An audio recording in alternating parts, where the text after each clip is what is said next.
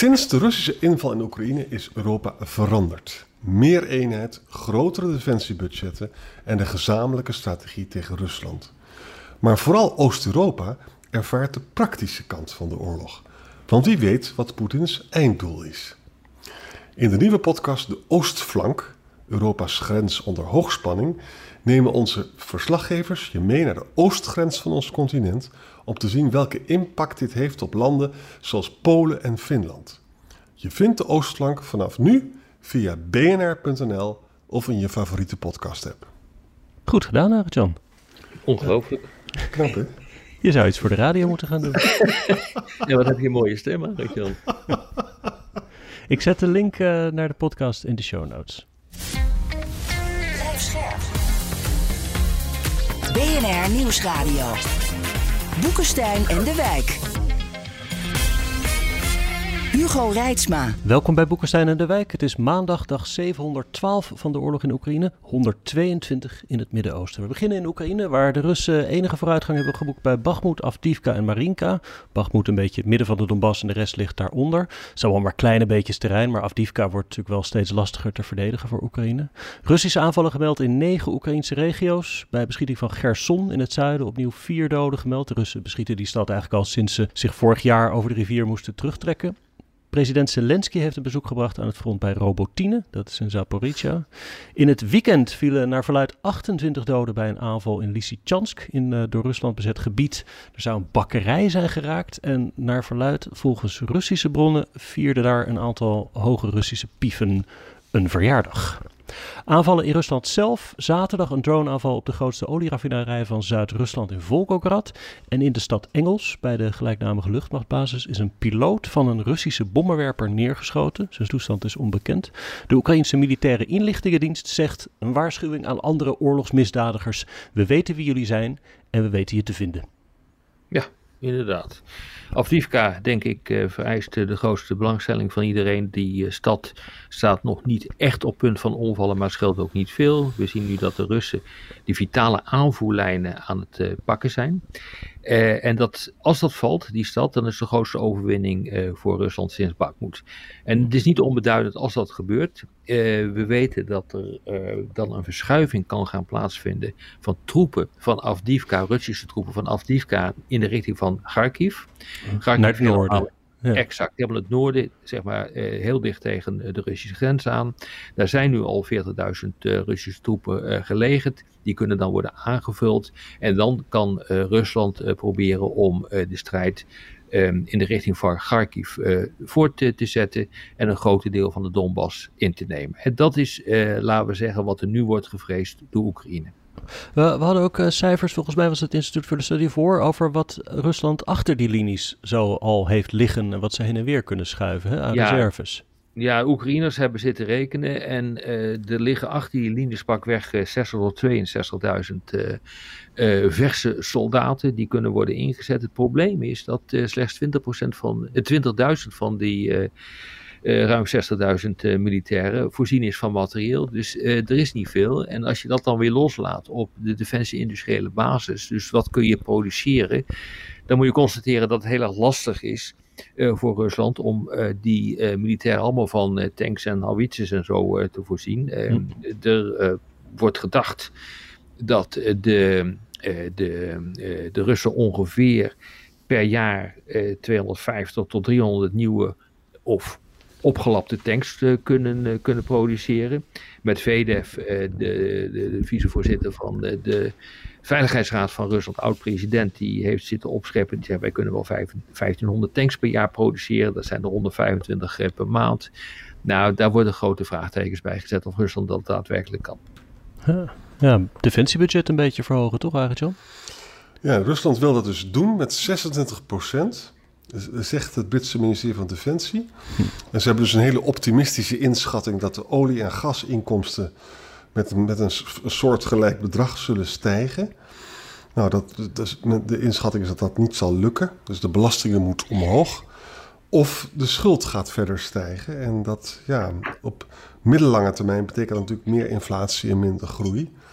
Maar dat betekent nog niet dat Rusland verloren heeft natuurlijk. Hè. Dat, is pas, dat speelt op de middellange termijn het effect. Uh, nou ja, afgezien van het feit dat veel mensen denken dat uh, als er meer inflatie komt, uh, de economische groei afkomt, dat het automatisch afgelopen is in in Oekraïne. En dat is natuurlijk gewoon niet zo. Hè? Want uh, je kan wel minder geld hebben, maar als je bij wijze van spreken geld weghaalt bij bejaarden, dan leidt dat misschien wel tot enige sociale onrust. Hoewel bejaarden ook niet direct de neiging hebben om de straat op te gaan. Maar dat geld kan je natuurlijk ook stoppen in de oorlogsinspanning. En dus het is gewoon niet zo dat er een één op één relatie is tussen slecht draaiende economie en het stoppen van de oorlogsinspanning. Voor de honderdste keer zie Noord-Korea, zie hm. Iran. Ja. Uh, overigens, uh, Nederland levert extra F-16's, zag ik. Hè? Dat is vanmiddag bekendgemaakt. Ja, Oorlogron heeft zes extra F-16's uh, eh, toegezegd. Ja, volgens mij komt er bovenop eerder geplande 18. Ja. En dat zijn natuurlijk allemaal toestellen die eruit gaan omdat ze worden vervangen door de F-35. Ja. ja. Zullen we kijken naar de politiek? Zelensky die was dus in eh, in Robotina echt aan het front. Volgens mij was hij de ochtend daarvoor naar een kliniek voor kankerpatiënten. En even daarna gaf hij nog een interessant interview op de Italiaanse televisie. Ja, en daar werd natuurlijk gevraagd van, bent u echt bezig met een reshuffle, met, waar Salustini daar dus een onderdeel van zou zijn, weet je wat, die populaire generaal. En uh, dat heeft hij dus nu gewoon gezegd, dat hij van plan is inderdaad om Salustini te vervangen. Maar hij verpakt het nu met de mededeling dat het gaat om een totale reset. Dus er gaan andere mensen ook uh, naar andere posten toe, om het zo maar te zeggen. Klitschkov, die, uh, weet je, de burgemeester van Kiev, valt hem daarom aan. We weten allemaal hoe populair Soluzny is. En we moeten het even verbinden. Er was een geweldig interview van Gert-Jan Dennekamp met Simon Schuster. Simon Schuster is, dacht ik, een Britse journalist die echt uh, heel lang op de neus van Zelensky heeft gezeten. Ja, En het beeld dat eruit komt is toch van een zeer eigenwijze, eigen gereide man. Ja, dat zal wel, ja. ja die dus ook bijvoorbeeld, hij was dus, uh, hij wilde Bachmut niet loslaten. Zelensky wel, die vond het onnodig om daar zoveel mensen kwijt te raken. En het is ook zo dat Zelensky wilde dus resultaten boeken, want anders zou de westerse steun in uh, gevaar komen. Terwijl Salustny nu veel, veel meer methodisch uh, en lang uh, voor de graduele benadering gaat. Ja. Dit is wel, jongens, het is, je ziet hier een beetje iemand die dus ook niet helemaal, af, niet helemaal het zicht op de werkelijkheid heeft. Nou ja, hm. dit is wel linkersoep hoor, wat hier uh, gebeurt. Ja. Want in een oorlogssituatie waarin het op dit ogenblik niet al te goed gaat, om dan een soort blame game te gaan uh, starten en een hele complete reshuffling van je kabinet en van de legertop aan te kondigen, dat is geen, dat is geen teken van kracht. Dat hebben de Russen natuurlijk ook gedaan. Hè. Die zaten in het begin van die oorlog continu generaals uh, op te offeren en te vervangen en wat dan ook. Ja. Uh, dat heeft uh, de strijd niet goed gedaan. En je ziet dat er nu een zekere mate van rust komt bij die Russen. Die hoort niks meer over. over het vervangen van, van generaals, althans niet op bijzondere functies. Zo af en toe lees je er nog wel eens wat over. Maar, die, nou, die Gerasimov die is gewoon verdwenen, hè?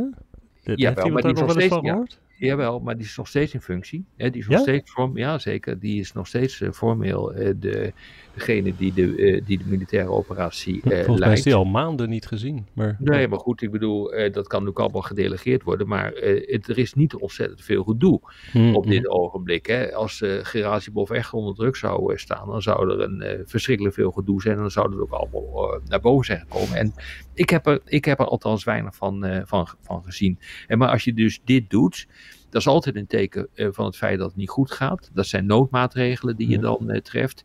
En dat leidt uh, tot een verder aantasting van het moreel van de troepen aan het front. de binnenlandse politiek heeft dat ook grote gevolgen. Nou, je hebt net gezegd, Arend Jan, de burgemeester van Kiev, dat hij ook niet echt geamuseerd is. is. Daardoorheen speelt natuurlijk de discussie over de noodzaak om 500.000 militairen extra te werven. Ja. Uh, en uh, ja, ik vraag me inderdaad af of hier dus ook een, groot, een grote clash zit uh, tussen de militaire top en Zelensky. Hm. Want dit is immens impopulair als je dat gaat doen. De steun voor Zelensky. de oorlog in. Ja, zei ook tegen Zelensky, ik kan geen 500.000 man uh, onder de wapenen krijgen. Dat, dat ga ik niet doen. Nee, dan heb je dus wel een probleem, Arend-Jan. Dat, dat, hoor ik dus ook voortdurend uh, zeggen. Maar wil je deze oorlog op een of andere manier tot een goed eind te brengen, dan heb je weinig keus, denk ik. En die, die, die, die oorlog wordt ook steeds impopulairder in eigen land. Dan vraag ik me dus echt af, als dat zo is, als die oorlog impopulair in eigen land wordt, ja, wat kun je dan nog van het buitenland verwachten? Hè, eh, Dus nee, hier zit echt wel een geweldig probleem in. En Zelensky heeft dus het parlement weer gevraagd om de noodtoestand eh, te verlengen tot met 90 dagen, hè, tot 14 Ja. mei. Ook de algemene mobilisatie. En dat is inderdaad heel impopulair. Het is, weet je, ook in die Simon Schuster eh, gesprek met Gert-Jan Dennekamp. Ja, sommige mensen in de oppositie, hè, die, hij luistert totaal niet naar de oppositie vanwege die noodtoestand. Hè.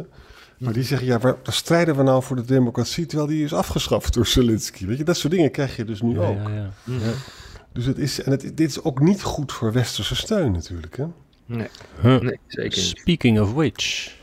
Er is Nou. een akkoord formeel hè, tussen de Democraten en Republikeinen bereikt eh, in de Senaat over immigratiebeperking, gekoppeld aan hulp aan Oekraïne, gekoppeld aan Israël. Ja. Maar het wordt nog heel ingewikked. Ja, is 118 miljard, ongeveer iets meer is het deal. 20 miljard eh, die eh, wordt eh, eh, besteed aan de grens. Hè. Dus de harde eis, eh, we willen alleen maar akkoord gaan met zo'n deal als er ook een oplossing komt voor de migratie in Amerika. 60 miljard voor Oekraïne, 14,1 voor Israël en 10 miljard voor Gaza voor humanitaire hulp. Maar het wordt compleet gefrustreerd door het huis. Ja, je, hebt dus, je moet je dus voorstellen, die senatoren hebben echt hun best gedaan. En zij hadden een deal. En nu gaat het dus naar het House of Representatives toe. En de Mike Johnson, de speaker, hè, die zegt van... eh, the deal was worse than I expected. And it will be dead on arrival. Nou, dan denk ik gelijk aan die opmerking van Trump. Wij gunnen Biden ook geen migratiedeal. Nee. Eh, want we willen hem gewoon helemaal kapot maken tijdens de verkiezingen. Oh ja, dat was, jongens, was een pol gisteren. Die was echt zo slecht voor Biden. Hm. Dus het is allemaal... Ik word hier niet vrolijk van, jongens. Ik word hier dat niet klopt. vrolijk van. Dus klopt. Republikeinen zijn doodsbang voor, eh, voor Trump. Ja. Die heeft dat- vanmiddag zag ik een berichtje ergens dat hij opnieuw zijn partijgenoten op heeft eh, geroepen geen deal te sluiten. Ja. Dus hij zegt van we moeten een aparte eh, immigratiewet hebben. En niet, niet gekoppeld aan eh, buitenlandse hulpdingen.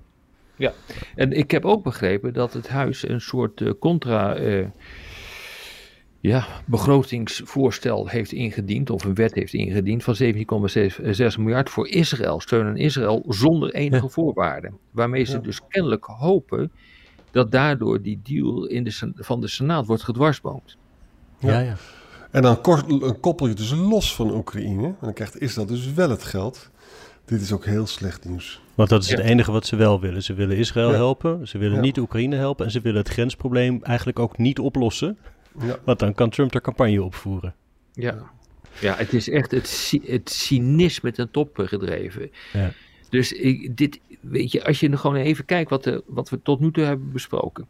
Hè, Dus het gaat niet goed met, eh, eh, met Oekraïne aan het, eh, aan het front. Het gaat niet goed met de politieke discussie in, eh, in Oekraïne zelf, omdat eh, Zelensky zijn hele kabinet eh, overhoop wil halen en de militaire top. En het gaat niet goed met de steun uit de Verenigde Staten, die overigens voor 90% is gedaald de afgelopen maanden. Eh, ja, dit is echt heel slecht nieuws voor Oekraïne hoor. Ja. David Frum, weet je wel, die oude speechwriter, die noemt dit dus in The Atlantic het verraad van de Republikeinen aan Oekraïne. Is het ook. Hey, en als we het over dysfunctionele politiek hebben, nog wel een paar puntjes. Misschien eh, Hongarije nog even te noemen, waar we vrijdag eh, juichend constateerden... ah, Orbán gaat door de bocht en steunt het EU-steunpakket eh, voor Oekraïne. En hij gaat het Zweedse NAVO-lidmaatschap goedkeuren. Ja, die Maar dat- partij Fidesz hè, van, van, van Orbán, dat is echt, Ja. echt ongelooflijk. Die heeft al gezegd een week geleden van... nou, we willen eerst dat de Zweedse prime minister maar eens langskomt bij ons. Ja. Voordat we überhaupt over die ratificatie gaan stemmen. Vandaag zijn ze gewoon niet komen opdagen tijdens die ratificatiestemming. En, eh, en, en dan wordt er geïnterviewd, wat is er allemaal aan de hand? Ja, eerst moet de Zweedse premier naar Boedapest komen. En wij willen nog even de aandacht op wijzen dat de Zweden geeft constant maar kritiek op de staat van onze Hongaarse democratie. Daar zijn we niet van gediend. Het is gewoon tuig daar. Het is echt tuig. Het is echt heel erg. Ja. En over tuig gesproken, eh, we hebben natuurlijk ook nog een eh, aanloop naar eh, vrije en democratische en eerlijke verkiezingen in Rusland zelf. Maar er is toch ook een kleine kink in de kapel gekomen met betrekking tot handtekeningen.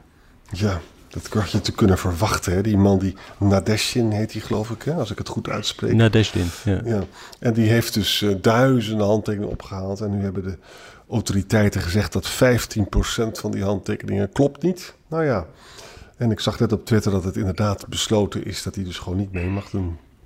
Nou, Zo gaat dat in deze Ja. Russische staat. Ja. ja.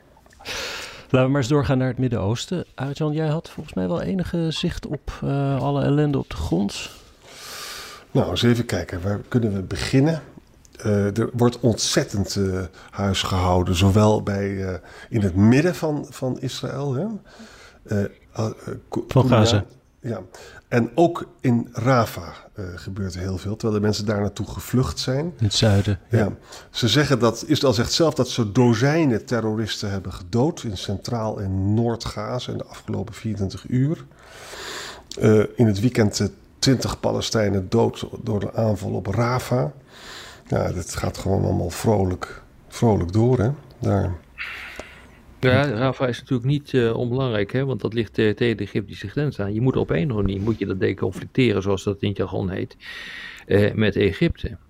Want anders, weet je, als de bommen op het verkeerde, in het verkeerde land vallen, dan heb je dus ook een probleem. Ja. En er blijven maar aanhoudend berichten van mensen die dus doodsbang zijn. Dat ze toch worden verdreven uit Rafah. Maar dat kan ik me niet zo goed voorstellen, omdat de Amerikanen daar fel tegen zijn. De Egyptenaren ook, de Saoedi's ook, en de Qata- Qatari ook. Ja, maar volgens mij maakt het inmiddels al niet meer uit. Dus eh, nee, ik, heb het gevoel dat de grip op eh, het Israëlische kabinet niet heel erg groot is. Nou, en dat zou ook kunnen verklaren dat die, die Ben Gvir, die Israëlische minister van Veiligheid, die zit dus met zeven man van die Jewish Power Party in het kabinet. Nou, Netanyahu is nu zo verzwakt. Hij kan natuurlijk het laatste wat die man kan gebruiken is vervroegde verkiezingen. Ja. Dan moet hij voor de rechter Ja, verschijnen. ja. Verdwijnt hij misschien in de gevangenis, hè? Ja, dus nu, nou zegt die Ben Gvir in een groot interview in de Wall Street Journal vandaag. Ja, luister eens, eh, ik heb dus leverage, ik heb een hefboom over Netanyahu. En hij mag van mij geen enkele deal sluiten met Hamas... waardoor er Palestijnse terroristen vrij zouden komen. Dus geen gevangenenruil. Hè?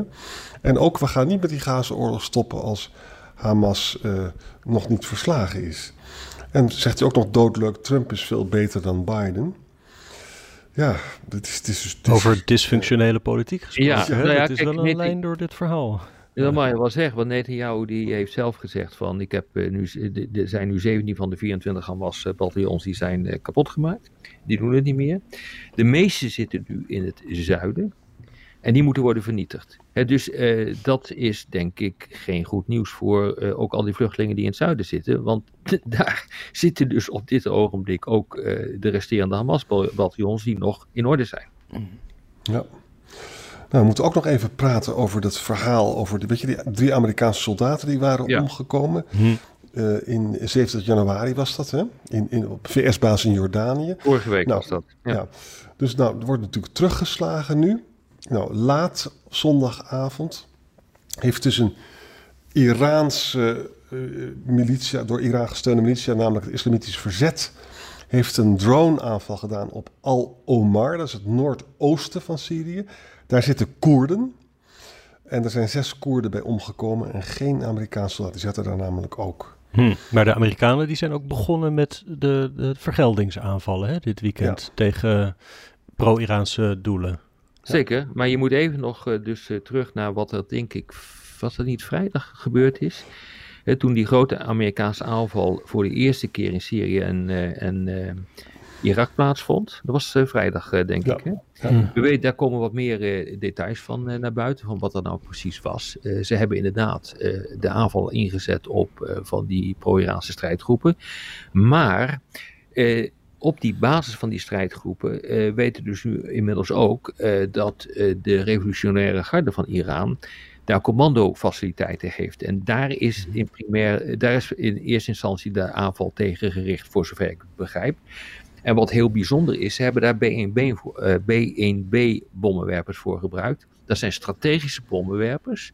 En dat zijn de, eh, de, de opvolgers, die B1B, van de roemruchte B52 bommenwerpers. Oh, dat is zo'n zo'n zo'n echt zo'n ja, zo'n heel raar gevormde, zeg maar alsof het alleen maar vleugels zijn. Zo'n ja, ding, exact, toch? Ja. exact. Ja, en die, eh, die zijn eh, dus ingezet. Die zijn volgens mij gewoon ingevlogen vanuit, eh, vanuit Amerika. Maar het feit dus dat je zo'n bommenwerper inzet, is ook een, uh, is een, een, belangrijk signaal ook in de richting van Iran. Want um, daarmee wordt duidelijk gemaakt van als Iran nou niet ophoudt, dan vliegen we gewoon door en dan bombarderen we Iran ook nog. Dus het is, hm. het is, een, het is, een, een, ja, het is een, een manier van machtsontplooiing uh, die ook zeer nadrukkelijk tegen Iran is uh, gericht. En, en de experts hopen dus nu dat Iran dus geen algemene oorlog wil en dat dit misschien zou kunnen werken. De zwakke schakel is natuurlijk dat Teheran heeft ook geen volledige controle over al die milities. Hè? Wel, andere weer niet. En ook geen volledige controle over de Houthis. Dus het blijft een, uh, kruidvat. Dat klopt. En ook de tegenstanders van uh, Amerika, uh, die zullen zeggen, wat moet je kijken wat ze aan het doen zijn. Ze zijn met zware bommenwerpers bommen aan het afwerpen boven, onze, boven ons grondgebied. Dus die Amerika-haat, die zal alleen maar sterker hier worden. Maar ja, wat dat betreft zit Amerika natuurlijk gewoon tussen tussen twee kwaden. Van wat moet je nu eigenlijk? Hè? Je kan niet accepteren dat er ehm, aanvallen worden uitgevoerd op, uh, laten we zeggen, de, Amerikaanse basis, maar ook niet op uh, de schepen die in de Rode Zee varen. Dat kan natuurlijk gewoon niet, want dat, het, beide zijn ook illegaal. Hè? Want die Amerikanen zitten dus ook in bijvoorbeeld Irak met toestemming van de Irakese regering. En dat heeft te maken met de strijd tegen IS. Dus als Amerika er weggaat, dan mag je verwachten dat IS weer sterker gaat worden. En dat ondermijnt verder de stabiliteit in, in die regio en met name in Irak. En dus ja, wat, wat moet je dan? Hè? Dus uh, ze hebben hier kennelijk goed over nagedacht. Dan hebben ze gedacht, nou oké, als we dit dan bombarderen, dan is een duidelijk signaal in de richting van, uh, van Iran. En dan zal het niet verder escaleren. Maar ja, dat is natuurlijk een gok. Echt een grote gok. En dat, is, dat verklaart ook waarom Blinken, minister van Buitenlandse Zaken, op dit ogenblik in het Midden-Oosten is om daar in een aantal landen overleg te plegen. En bedenk ook dat Biden onder enorme druk van de Republikeinen ook staat. Ja. Hè? Lindsey Graham zit steeds te schreeuwen: hit Iran en hit them hard. Hè? Allemaal heel onverstandig wat mij betreft. Maar die, dat is, en zeker in tijdens de verkiezingstijd is dat natuurlijk moeilijk. Hè? Biden zit in een hele moeilijke positie. Waar ik me zorgen over maak is die Houthis. Die gaan dus gewoon door. Dat hebben we ook voorspeld dat die gewoon doorgaan. Amerika heeft weer een kruisraket onderschept en ook vier anti-scheepsraketten zondagmorgen. Alleen ja, de Houthis zijn tot de tanden bewapend. En die hebben mobiele launchpads.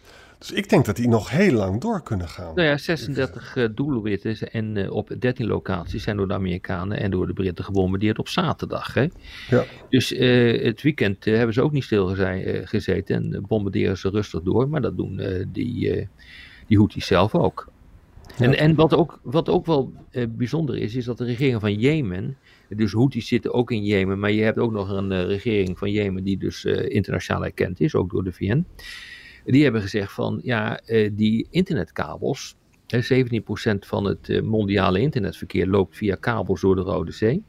Okay. Uh, die kunnen ook door de Houthis worden doorgeknipt. nou, sommige mensen zeggen wel ja, daar hebben ze helemaal de technische capaciteiten niet voor. Maar ja, aan de andere kant weet je, die kabels moeten ergens aan land komen. Dus daar kan je ook saboteren.